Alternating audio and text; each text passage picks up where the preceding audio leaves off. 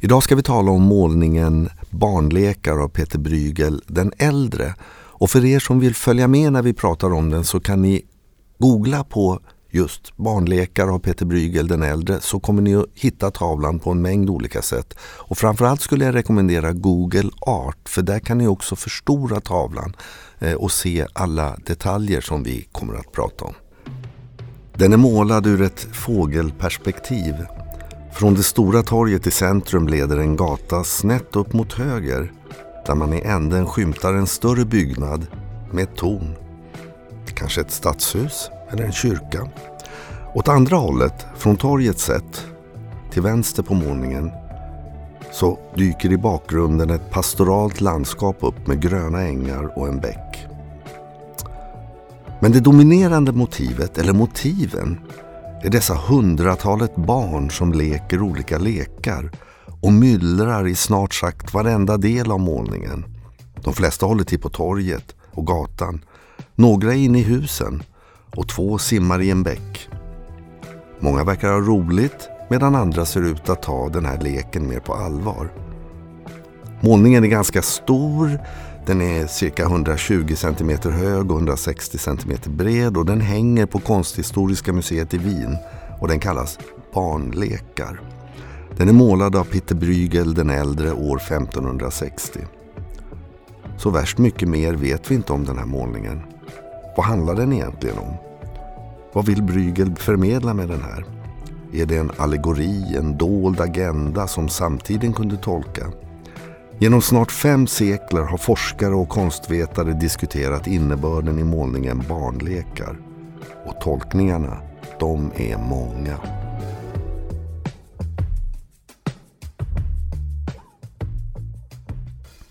Välkommen till Idrottshistoriska podden.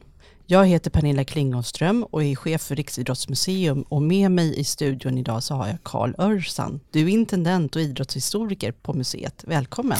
Tack för det! Nu har vi hört om målningen Barnlekare av Peter Brygel, men eh, hur kommer det sig att du har fastnat för den, Kalle? Ja, det är, det är en eh, ganska lång historia och, och fascinerande på många sätt. Men det, det, är så att för några år sedan så höll jag ett föredrag på Centrum för idrottsforskning då jag tittade lite grann på barns idrottande innan idrotten organiserades i slutet av 1800-talet. Och då gick jag tillbaka till antiken och så vidare. Och eftersom det finns så pass lite skrivet om barn och vad de sysslade med så får man använda sig av bildmaterial. Och då stötte jag på den här bilden Barnlekar av Peter Brygel den äldre. Jag kände till den, jag, hade, jag har sett den själv i, i, i Wien då för många år sedan. Eh, och då tänkte jag att där, den där ska jag nog fördjupa mig i och så jag föreslog att det skulle kunna bli till en utställning här på museet, vilket vi också gjorde. Så att eh, därför har jag fastnat i den. Men sen liksom, ju mer jag har grottat ner mig i den här målningen så blir jag bara mer och mer fascinerad. Inte bara av den utan av tiden och Peter Brygel den äldre och idrottens vagga eller vad vi nu ska kalla det för. Ja, för den heter ju Barnlekar och hur kopplar det till idrott? Ja, alltså, först så ska vi reda ut det här att vi vet faktiskt inte om vad Brygel kallade den här målningen själv för. Vi, vi, man vet inte det. Och att den kallas för barnlekar det gör den någon gång en bi, bra bit in på 1600-talet då man gör eh, eh, någon slags uppräkning av konstverk som finns hos en rik person. Och då fanns den här där. Och då kallas den för barnlekar. Men vi vet som sagt inte eh, varför han målade den. Men kopplingen till idrott det är ju att jag skulle vilja säga att all idrott emanerar, kommer ju från lekar av olika slag. Och det är det, det är det som vi ser här i den här målningen. Och vi kan se en del som är faktiska idrotter idag väldigt tydligt. Men sen finns det ju mycket som är mera subtilt och som man kan förstå kan ha utvecklats till dagens idrotter. Men, men eh, vad är det som skiljer lek och idrott åt? Jag skulle vilja säga att, att leken är ju Eh, är ju, har ju mycket mer av en tillfällighetskaraktär eh, där man många gånger bestämmer regler och sånt i stunden. Vad som gäller och vad man får göra och inte får göra och sådär. Och när vi pratar 1500-talet som den här är gjord, ja då fanns det ju absolut ingen organiserad idrott. Så den här typen av lekar som vi ser på den här målningen här den har ju funnits i alla kulturer. Det är jag fullkomligt övertygad om på olika sätt och det vet vi också. Vissa är ju helt givna som brottning och, och sånt där. Det, det, har funnits överallt. Så att eh, leken, ja om vi ska kalla det idrott eller inte, det är i varje fall någonting att man ska ut och röra på sig. Man rör på sig och använder sin kropp. Så leken är liksom grunden till all idrott? Är det så jag ska förstå dig? Ja, det där var ju jättebra. Vågar jag säga det? Ja, nej, alltså, nej, ja, det kanske. Både och skulle jag vilja säga. Alltså, grunden för all idrott om man går långt tillbaka i historien skulle jag vilja påstå i kampen för överlevnad. Mm. Det gäller att kunna springa fort eller kasta en sten mot något, någon motståndare eller ett spjut eller mot ett djur eller vad det nu är för någonting. Men sen är, vet vi att barn ofta eh, liksom härmar de vuxna, vad de gör och vad de säger. Det ser vi ju än idag. Och då kommer liksom leken in i bilden. Man vet att man har ju hittat i stenåldersgrottor och kanske ända så långt som tillbaka för 50 000 år sedan små objekt som man förstår är leksaker som barn har lekt med. Så det har liksom alltid funnits med och följt kanske hand i hand med vad de vuxna gör. När jag tittar på den här målningen av Peter Brygel så är det, det är verkligen ett myller på torget mitt i stan. Eh, vilka var barnen som Peter Brygge målade? Är det liksom alla barn i staden eller är det köpmännens barn? Eller mm. Vad tror du att det är? Mm. Ja, jag tror ju att det är, det, det är mera i köpmännens. Det, det, är inte de riktigt fattiga. Vi ska, vi ska veta en sak här. Vi ska kanske försöka reda ut det där med att varför målade han den här? Det vet vi inte. Men vi vet att Brygel var verksam i staden Antwerpen. Och Antwerpen som ligger i nuvarande Belgien. Då kallades det neder, eh, spanska Nederländerna och så vidare. Det var ju ett sammelsurium av, av eh, krig och mycket annat som gjorde att man tog erövrade länder från varandra. Men Antwerpen var en av norra Europas absolut viktigaste handelsstäder. Och nu under 1500-talet så hade man ju kommit igång med alla de här båtturerna eller vad vi ska kalla det för, erövringen av världen som, som Europa gör, Västeuropa gör när man eh, seglar till Amerika och seglar runt jorden. Magellan från Portugal gjorde ju det 1519. Och nu ökar liksom importen och frakten av varor och produkter från de här kolonierna. Och så kommer de till de här hamnstäderna. Och då måste man ha människor som kan räkna och läsa. Och då börjar man med skolor. Alltså skolor har ju funnits tidigare. Det fanns här kyrkliga skolor. Men det, då, då börjar man, framförallt i Antwerpen så fanns det uppåt ett 50-60-tal skolor vid den här tiden. Där barnen skulle lära sig läsa och räkna för att kunna bli köpmän. Så att jag skulle, vi, det där var en lång utläggning hör du, men, men eh, alltså i varje fall jag tänker att det här är inte de barnen som var ute på landsbygden och hade det riktigt eländigt. För det, det ska vi ha klart för oss att det var väldigt, väldigt många som hade det mycket svårt. Men de här ser ut att ha det väldigt trevligt, de flesta av dem i varje fall. Och jag får också upp minnesbilder från målningar från den här tiden med eh, väldigt rika barn mm. som, som står med sina leksaker eller sin mm. häst eller så. De ser inte jag heller på det här torget. Nej, Nej. precis. Nej, men de finns inte här. Alltså de, de, de rika, eller som om vi ska använda dåtidens terminologi så är det ju adeln och kungamakten och sånt. De, de finns inte med här. Det gör de inte. Utan de hade sina egna lekar kan man väl säga. Eh, och, och, så med turnerspel och, och, och sådana saker. Men det här är andra barn. Det, det, och det är det här, det här liksom, det intressanta med den här målningen. Det, det, är klart att det finns barn som har porträtterats tidigare. Men aldrig någonsin vad man vet i konsthistorien har det funnits samlat. Det här är ju över 200 barn som leker uppåt en 80 olika lekar. Det är, de är i centrum här.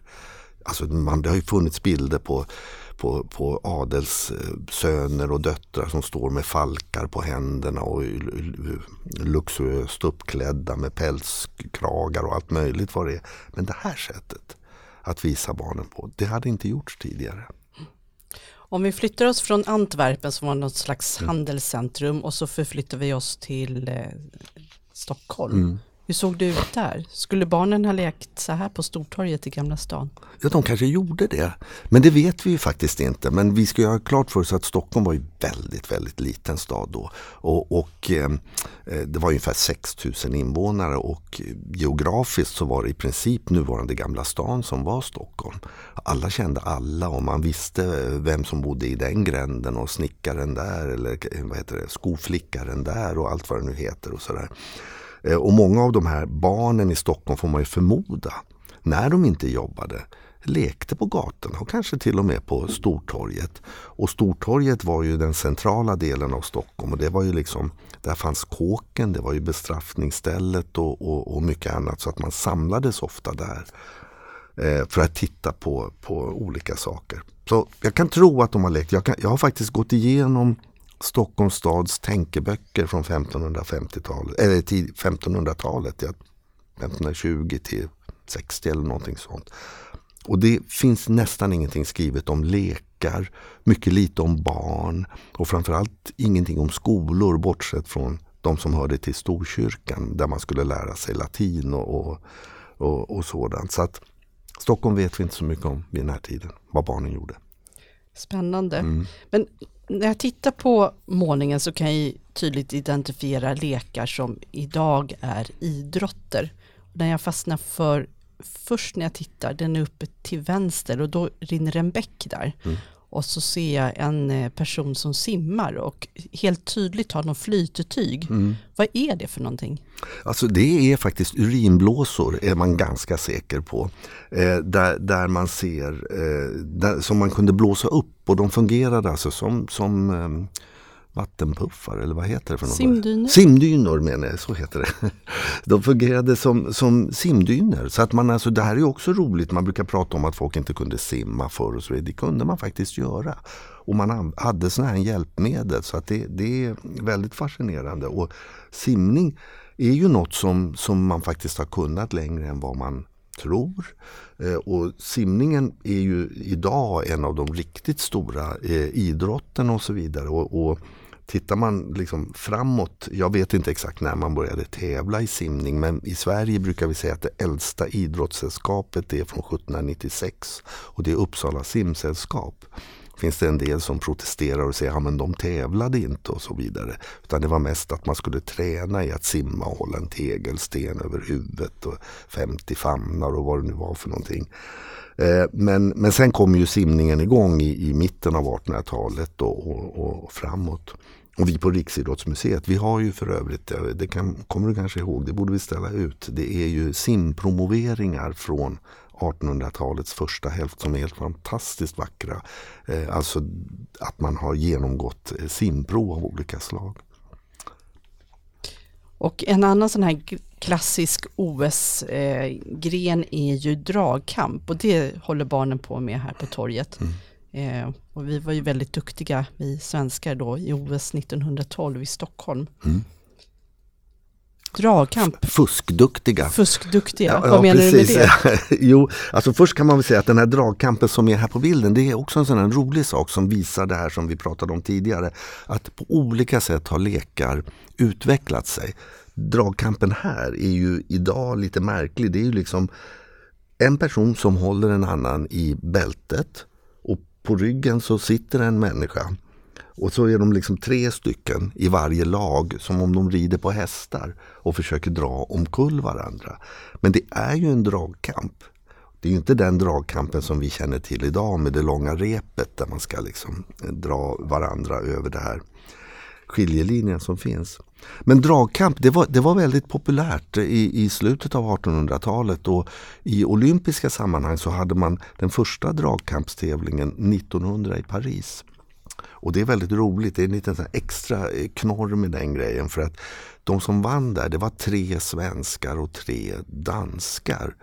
Man slog ihop dem och så besegrade man Sorbonneuniversitetets studenter. Så då kan man säga att Sverige och Danmark har ett halvt guld var i dragkamp. Sen fick, eh, fanns dragkampen med också 1908 i London och sen när den skulle hållas i Stockholm 1912 då så hade man gjort i ordning en bana och så visade det sig att det bara var bara två lag som ställde upp så det var final direkt mellan Stockholmspolisen och London Bobbys. Och Stockholmspolisen de var förstärkta av en fiskare från Harö som var liksom ankare. Skitstor, eh, eller jättestor. Stod jag där längst bak och, och höll emot. Men då drog, kunde man ju dra på gräs eller på liksom grusliknande underlag och så vidare. Och engelsmännen var ju väldigt bra men svenskarna ändrade då underlaget så att det skulle passa bättre för för svenskarna och så vann man guld i dragkamp år 1912 i de olympiska spelen i Stockholm. Sen dess så finns inte dragkamp med på i OS. så kan det gå. Ja. Eh, en annan sak som är, syns tydligt här på, gat, på gatan, på torget, mm. det är ju när barnen går på styltor. Mm. På olika sätt. Mm. Olika styltor. Ja men precis. Och det där är ju väldigt roligt och nu när vi är på museet när vi jobbar med skolor och så då pratar vi just om det här. Vad är det som gör eh, om någonting kan bli en tävling eller inte? Och stylter eh, vet man ju inte om det har funnits tävlingar i. Det har det kanske gjort. Du vet så här när man ska mm, eh, leka när man springer med en ägg, ett, ett ägg på en sked i munnen och så vidare så har man säkert gått med styltor också. Men jag brukar säga, tänk om man skulle ha en OS-gren i styltgång. Nej, det kan man väl inte ha? Jo, det kan man visst ha och det finns säkert de som kan träna sig och bli riktigt, riktigt duktiga på det. Men Tillbaka till målningen av Brygel där man som du säger ser två. Först så ser vi en barn som går på lite mer normala, relativt låga styltor. Men mot husväggen där så står det en, ett barn med jättehöga styltor. De måste ju vara fem meter nästan ser det ut att vara. De är enormt höga. Och hur han har kommit upp på dem det vet inte jag. Men, men förmodligen är, eftersom han är där vid husväggen har han klättrat upp. Och då kan man tänka sig, var, var, var kommer styltor ifrån egentligen? Och det här med att gå på. Och det där vet man inte riktigt men det, kan, det finns teorier om att eh, människogrupper som bodde i eh, kärrmarker, träskmarker eller, eller, liknande där det var smutsigt behövde, eller mm, högt vatten och sådär och behövde komma fram så använde man styltor. Det är inte konstigare än att man har skidor över snö eller, eller, eller skridskor eller någonting sådant. Och Vi vet ju att de här lägre styltorna som den här ena går på, att skorna i Stockholm under, under 1500-talet och tidigare också för den delen så hade man skor som kallas för patinoskor. Och det var nästan som eh, de, man hade liksom klackar både fram och bak så att det var som att gå på styltor. Och, och varför gjorde man det? Jo det var ju för att man bokstavligt talat behövde gå över smutsen som rann på gatorna. Man behövde liksom komma upp. Så det är det det handlar om. Men styltorna vi ser här det var ju väldigt vanligt vid den här tiden med karnevaler och mycket annat sådant. Så det var ju väldigt ofta gycklar och andra som kom gående på höga styltor och kanske hade klätt ut sig till spöken eller, eller någonting annat. Men det är ännu ingen idrottsgren, men det kanske blir. Men jag tänker att leken och idrotten går i varandra om, om vi backar drygt hundra år när det var mycket uppvisnings eh, idrott av olika slag. Mm. Det går ju verkligen in i det här, mm, tycker jag. Och det har vi ju idag också. Ja men precis, verkligen. Det, det är alldeles rätt. Ja, det, finns, det är jätteroligt. Kul att du säger det där, för det är ju så. Men gränsen till när det ska bli idrott som räknas som idrott det, det är ju just att det behövs regler och, och, och sådana saker. Och det, det, det, är ju väldigt viktigt och det är det, det, är det jag pratar om, in, inledde med med det här föredraget jag höll. Att när idrotten organiseras då blir det ju liksom för att kunna spela fotboll så måste man ha enhetliga regler. Det går inte att säga vi brukar vara 20 personer i vårt lag och vi är 11 eller målen är så stora eller så. Och det här hänger ju samman med industrialismen och, och mycket annat när idrotten blir eh, organiserad. Men i och med att den blir organiserad så blir den också exkluderande väldigt mycket mot eh, arbetarrörelsen om jag uttrycker mig lite drastiskt därför att det liksom, man fick inte vara professionell för att genomföra en, en idrott om, om man till exempel skulle tävla i en roddtävling. Då var man tvungen att vara amatör. Och då kan man fråga sig vem var amatör och vem var professionell? Ja, den professionella det var roddaren som rodde över Themsen eller någon annan flod och fick betalt för att göra det. Då fick inte den personen ställa upp i en tävling med någon rik greve som hade en egen sjö att ro i. Han var ju en amatör så han fick ställa upp. Och det där är ju, nu, nu tangerar vi amatörreglerna men jag kan ju nämna det till exempel att det till och med i Stockholms roddförenings statuter stod att man fick inte vara arbetare för att vara med. Bara för att det var fusk. Man var ju så stark om man var arbetare och hade byggt upp sin kropp så mycket så att det var inte gentlemannamässigt. Om vi hoppar till en helt annan typ av lek här mm. så är det Herre på täppan mm. som vi idag skulle klassa som en eh, maktlek mm. tror jag. Mm. Som på många skolgårdar är inte är tillåtna längre. Ja, precis.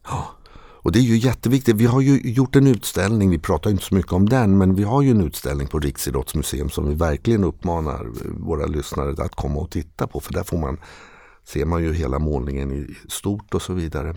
Men där lyfter vi just eh, Herre på täppan som en maktlek. Och det går ju ut på Herre på täppan, man står, vem, vem kan liksom hålla ställningen högst uppe eh, mot alla andra och mota bort människor.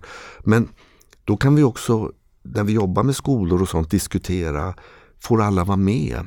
Och vad, vad, är det för någonting, liksom som, vad betyder en maktlek egentligen? Och den här typen av problem finns ju faktiskt inom idrotten också. Du får inte vara med eller håll dig undan och, och så knuffar man bort bokstavligt talat människor. Så det är väldigt spännande och när vi tittar på den här målningen så ser vi ju flera maktleksliknande spelare. För, för egentligen även de som hoppar bock, Eh, hoppar över varandra så kan ju det vara en form av maktlek. Varför ska jag alltid vara den som ska stå böjd här mot marken och, och, och så vidare. Det, säkert har det varit så. Och vi har någonting väldigt obehagligt men fascinerande i ena delen av målningen där man ser två barn som springer mellan ett tiotal barn som sitter mitt emot varandra och de sparkar på de här barnen. Så leken går ju ut på att de ska försöka ta sig igenom Eh, de här barnens eh, ben som sparkar omkull dem och komma liksom ut utan att ha ramlat på andra sidan. Och var kommer det här ifrån? Jo, det är ju en medeltida bestraffningsmetod som heter gatlopp. Där man alltså ställde upp eh, soldater och någon som då skulle straffas fick springa mellan de här soldaterna som bonkade på en med en, med en käpp eller vad det nu var. Till exempel när eh, slottet Tre Kronor brann 1697 så dömdes ju två av vakterna som gick uppe på taket till fem gatlopp var. De överlevde naturligtvis inte det här. Kanske han sprang två eller, eller, eller någonting sånt. Jag vet inte. Men det är en fasansfull grej. Och det är ju också en form av makt här, liksom att styra över, över andra. Och maktlekarna är, är ju på något sätt en slags, man fostrar sig, sig och varandra i någon slags värdegrund och eh, socialt beteende. Och det är någonting som är dagsaktuellt för eh, stora delar av idrotten. Mm. Eh, jag tänkte på en sak som heter rörelsesatsningen som är en stor satsning som eh, Riksidrottsförbundet jobbar med som bland annat utspelar sig faktiskt på skolgårdar. Mm, mm, kan du mm. inte du berätta lite mer om mm, det? För det är mm. ju verkligen en, en tangering till målningen för 500 år sedan. Ja men absolut, det är det som är så otroligt spännande. Alltså RF, Riksidrottsförbundet, fick ju uppdrag av regeringen för några år sedan. Eh, extra medel eller hur det nu gick till, öronmärkta medel. Att man just skulle satsa på rörelse i skolan. För all forskning, i princip all forskning som tittar på pedagogik och barn och ungdom och skolan och så vidare visar att ju mer barn rör på sig desto lättare har de att ta in kunskap. Så nu pågår den här satsningen eh, och de har hållit på något år och, fortsätter och, ska liksom eh, få igång det här i, i, runt om i, i landet i Sverige, eh, i skolorna och så. Men det som är, liksom, blir roligt med det här det är ju, det är ju lite grann slutklämmen på, på varför vi gjorde den här utställningen och varför vi fördjupade oss i den eftersom vi känner ju till det här. Och då måste vi backa för jag tror inte vi har rätt ut varför Brygel målade den här. Vet, vet, man det? Nej, det är ju det Nej. man inte vet. Va? Och den har tolkats på en mängd olika sätt. Och den kanske vanligaste tolkningen har varit att det här är en allegori eller en metafor över vuxenvärlden. Där liksom alla de här barnens lekar, de är ju framför något slags stadshus och så vidare, visar på vuxenvärldens dåraktighet. De är lika, liksom spontant tokiga som barnens lekar. Man fattar fel beslut och så vidare. Det, det, är, en, det är en sån ganska negativ sida av vuxenvärlden som har, den har tolkats som väldigt, väldigt mycket. Tills för några år sedan då en, en, en engelsk eh, forskare som heter Amy Orrock började titta på konstverket och började läsa samtida litteratur mycket mer. Och då finns det en man som heter Erasmus av Rotterdam som var verksam vid den här tiden och han skrev att det är viktigt att barn rör på sig när de går i skolan. Och då har vi ju det här som jag pratade om förut med Antwerpen. Alla barn gick ju inte i skolan. Jag skulle vilja säga det kanske är någon procent, va? men det fanns skolor i varje fall. Och Erasmus påpekade just den vikten. Och Erasmus var samtida med Bruegel. Och det, det, här, det här är ju en ganska positiv bild. När man tittar på Bruegels andra målningar eller framförallt hans grafiska blad så är ju de ofta väldigt burleska. Det finns en som heter Åsnan i skolan där man ser barn som kissar mot varandra och de sitter nakna och någon får stryk. Och, och det, alltså det är väldigt mycket sånt. Och, och många av hans andra grafiska blad är väldigt obehagliga faktiskt med äggkoppar som kutar omkring med en gaffel i sig och det är bisarra saker. Det finns inte i den här målningen. Den är ju väldigt ljus och positiv.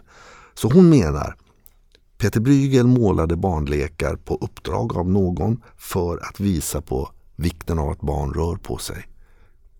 Och så pratar man om det idag och jag fick höra häromdagen att eh, Gymnastik och idrottshögskolan har fått nya forskningsbidrag på, alltså vi pratar hundratals miljoner för att man nu har upptäckt vikten av att barn rör på sig.